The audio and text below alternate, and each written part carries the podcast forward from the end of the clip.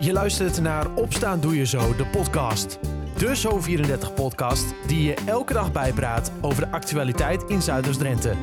In een klein kwartier ben jij weer helemaal op de hoogte. Het is donderdag 24 oktober 2022. Dit is Opstaan Doe Je Zo, de podcast aflevering 293. Het is een mooie novemberdag, droog met in de ochtend veel zon en smiddags bewolkt wordt het 11 graden. Met in het Zuidoost-Drentse nieuws. De Drentse wandelvierdaagse in Odoorn gaat dit jaar tijdens het hemelvaartsweekend niet door. Door werkzaamheden bij de start en finish is het niet mogelijk om het evenement in dat weekend te organiseren. De organisatie kijkt nog naar een alternatief. Zometeen meer nieuws uit Zuidoost-Drenthe en je hoort over een Sinterklaas-initiatief voor Minima. Maar eerst een onderzoek van de Rijksuniversiteit in Groningen. Want er zijn de afgelopen jaren meer extremistische acties geweest in Noord-Nederland. Dat blijkt uit dat onderzoek. De redenen voor die acties zijn anders dan in andere delen van Nederland, zegt onderzoeker Leonie de Jong. Je ziet absoluut een stijgende lijn van incidenten. En dan zie je dat het niet meer uh, zozeer de klassieke vormen van extremisme zijn. Dus dan moet je denken aan religieus extremisme, rechts en links. Maar dat we nu een stijgende tendens van anti-overheidsextremisme zien. Waar dus niet meer de drijfveer van die vastomlijnde ideologieën zijn, maar steeds meer een soort kruisbestuiving tussen verschillende soorten van uh, extremisme. Dus met name dat we, uh, om een voorbeeld te noemen, je ziet bij um, boerenprotesten dan vaak ook uh, extreem rechts aansluiten. Bij de coronaprotesten zagen we dat ook dus uh, die daarvoor geweerd werden, die sluiten nu aan bij die protesten. En daar zie je dus dat er een soort kruisbestuiving plaatsvindt tussen verschillende soorten van extremisme. Tussen 2014 en vorig jaar waren in Drenthe 17 van dergelijke incidenten. Die gingen vooral over problemen die vooral in Noord-Nederland spelen. Dus er is regiospecifieke problematiek in het noorden. En dan moet je denken aan inderdaad het feit dat er, uh, dat er uh, gaswinning is en dat er aardbevingen zijn. Maar daarnaast natuurlijk ook windmolens, windmolenparken die gebouwd worden. Uh, denk ook aan het stikstofdossier wat net aan bod kwam, wat hier ook heel veel speelt in het noorden. En tot slot ook uh, Ter Apel, wat ook in, in Groningen gevestigd is. Kortom, er zijn uh, reden om te, om te geloven dat er in Noord-Nederland andere dingen spelen dan in andere delen van het land. En uh, die kunnen wellicht leiden tot een extra voedingsbodem voor de opkomst van ja, verschillende soorten van extremisme. En met name hebben we gevonden dat er een voedingsbodem is, of in ieder geval een stijgend aantal incidenten van anti-overheidsextremisme. En dan vaak in combinatie met radicaal en extreem rechts. En de betrokkenheid van extreem rechts is opvallend. Ze melden zich vaker bij extreme acties en worden daarbij niet geweerd. Waar voorheen extreem rechts geweerd werd bij protesten, worden ze nu met. Ja, ik ga een beetje kort door de bocht, maar met open armen ontvangen. Ze worden in ieder geval niet meer weggestuurd. Ook omdat um, het gedachtegoed van extreemrechts steeds meer genormaliseerd is de afgelopen jaren. Waardoor het minder snel als uh, extreem gezien wordt en uh, daardoor meer geaccepteerd wordt, meer getolereerd wordt. Aldus onderzoeker Leonie de Jong van de Rijksuniversiteit in Groningen. De conclusie is dus dat in Noord-Nederland relatief sterke gevoelens van maatschappelijk onbehagen en anti-randstedelijk denken leven. De regio is daardoor een voedingsbodem voor anti-overheidsextremisme en nieuwe vormen van radicaal en extreem rechts. Binnen de veiligheidsregio Drenthe is burgemeester Karel Lohuis van de gemeente Hogeveen verantwoordelijk voor extremisme. Hij zegt tegen verslaggever Steven Ophof dat hij niet verrast is door deze resultaten. Nee, ik ben niet verbaasd, want dat, dat merk je natuurlijk in de maatschappij. Als je met mensen praat of je volgt de ontwikkelingen, dan voel je dat en dan zie je dat ook en dan hoor je dat ook. Dus in die zin is het niet, uh, is het niet verrassend. En ik vind ook wat het goede van het onderzoek is dat het ook duidelijk maakt van pas op, maak onderscheid tussen protestbewegingen. Mensen mogen demonstreren, mogen ergens tegen zijn. En de ontwikkelingen dat je nog eens een extra gevoeligheid in deze provincies hebt ten opzichte van de overheid, de nationale overheid, die een cocktail kan zijn waar anderen die al extreme ideeën hebben op inhaken. En, en dat is wel een, een nieuwe ontwikkeling. Staan er ook aanbevelingen in het rapport? Neemt u die over? Ja, die nemen we zeker over. Vandaag hebben we dus zeg maar een bijeenkomst gehad waar uh, vanuit uh, diverse organisaties, openbaar ministerie, politie, gemeenten, zorg- en veiligheidshuizen, medewerkers, uh, ambtenaren bij elkaar zijn geweest om één, de kennis op te doen van wat speelt er nu eigenlijk. Het onderzoek is daar de basis voor. Maar het ook om in de organisaties weer verder te brengen, zodat we sneller signalen van extremisme en ontwikkelingen daarin kunnen, nou ja, kunnen ontdekken en ook op kunnen acteren. Als ik het goed begrepen heb, staat er eigenlijk uh, zorg ervoor dat je je aandacht voor hebt, überhaupt voor deze vormen.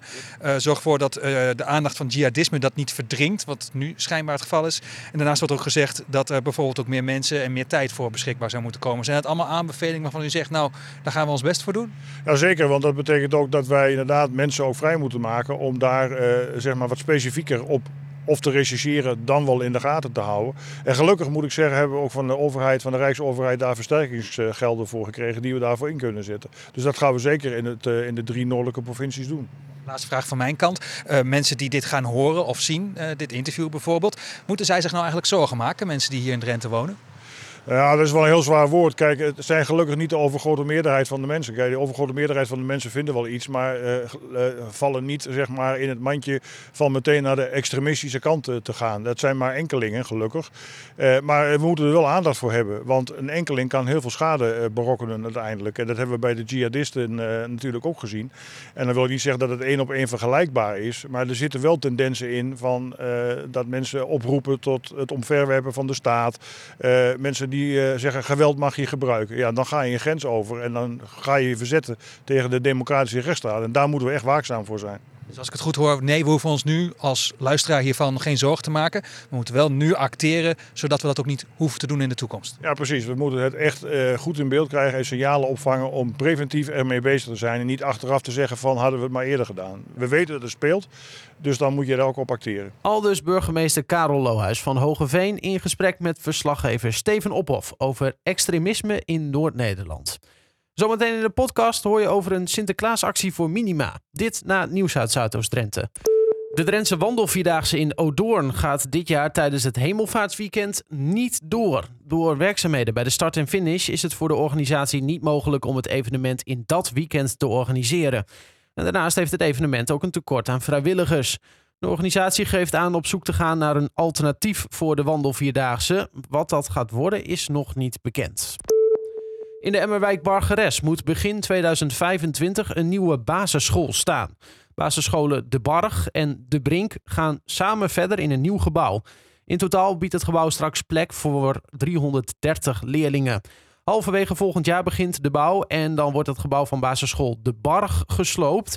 Daar komen uiteindelijk woningen op te staan. De politie heeft drie verdachten opgepakt in een onderzoek naar hypotheekfraude. Het gaat om een 42-jarige man uit Emmen, een 44-jarige man uit Koevoorn en een 43-jarige man uit Enschede. De mannen worden ervan verdacht dat ze valse loonstroken hebben gebruikt om op die manier illegaal een hypotheek te krijgen. En tot slot, tussen het voetbalveld van HOVC en het tennispark van Okko in Odoorn worden bijna 170 bomen gekapt voor de aanstaande renovatie. Dat blijkt uit een vergunning die is aangevraagd bij de gemeente Borger-Odoorn. Het sportpark wordt flink opgeknapt, waarbij het hele Harm sportpark op de schop gaat. De totale kosten komen daarbij uit op bijna 3,8 miljoen euro. De clubs nemen 350.000 euro van de renovatie voor hun rekening. In december komen er nog informatiebijeenkomsten voor de leden van de verenigingen en voor de inwoners van het dorp. Tot zover. Dit en meer vind je ook online op zo34.nl en in onze app. De Sint is weer in het land en dus moeten de hulp Sinterklaasen ook weer aan de bak. Op tal van plekken zijn initiatieven ontplooid om minima ook een onbezorgde pakjesavond te kunnen bezorgen. Een van die initiatieven is in Borger, waar de Willybrodkerk is omgetoverd tot Pakhuis 51. Gisteren konden mensen voor het negende jaar op rij cadeaus doneren. Een verslaggever Jeanette Oortwijn was daarbij. Nou, super. Wat een leuke dingen. Nou, Dankjewel. Even spieken. De Willy Brodkerk in Borger ligt momenteel vol met speelgoed, boeken en andere cadeaus. Iedereen die iets kwijt wilde, kon dat vanmiddag bij Pakhuis 51 doneren. Speelgoed wat ik nog had liggen. Voorheen uh, had ik een kinderwinkel, dus er waren een heleboel nieuwe spullen nog over. Wat vindt u van dit initiatief? Ja, super. Ieder kind moet een leuk Sinterklaas kunnen vieren. De inmiddels jaarlijkse actie is negen jaar geleden opgezet om minima een onbezorgde pakjesavond te geven. Spelletjes doen het altijd goed. Ja, puzzels ook. Um, en de gezinsspellen die, uh, die vinden, ook altijd, de, vinden ze eigenlijk ook altijd leuk om mee te nemen. Ja, ik zou deze bij de kinderspullen doen, uh, bij de kleintjes. Dus voor de grotere. Uniek aan dit concept is dat ouders vrijdag zelf de cadeaus kunnen komen uitzoeken. Het pakhuis heeft nu al meer aanmeldingen dan ooit tevoren. De teller staat nu op 50 gezinnen, goed voor meer dan 100 kinderen. De financiële crisis speelt op dit moment een rol. En uh, we kunnen het niet met grote zekerheid zeggen, maar we, we, denken wel dat dat meespeelt. En er zijn ook veel uh, gezinnen uit, uit de Oekraïne die, die, zich, die, die meedoen. Zorgwekkend eigenlijk. Hè? Ik denk ook dat er heel veel stille armoede is. Hè? En natuurlijk wil je voor je kind het gewoon het beste. Dus hartstikke mooi zo. In Hogeveen zijn ze ook druk bezig met een Sinterklaasactie. Daar zijn de pakketjes verzameld en inmiddels ingepakt door vrijwilligersorganisatie Humanitas. Het enige wat nog wacht is de bezorging. Nou, dit zijn uh, de routes die we hebben gepland. Ze zijn ongeveer gebaseerd op wijken, maar het is uh, meer de route die heel handig is voor de vrijwilligers om te rijden. En het is wel leuk. Sommige families, uh, dan zag je dat de kinderen alleen op de verlanglijst bijvoorbeeld knuffels hadden of ja, Lego of wat dan ook. Um, dus ja, dat gaan we allemaal rondbrengen met z'n viertjes of zo.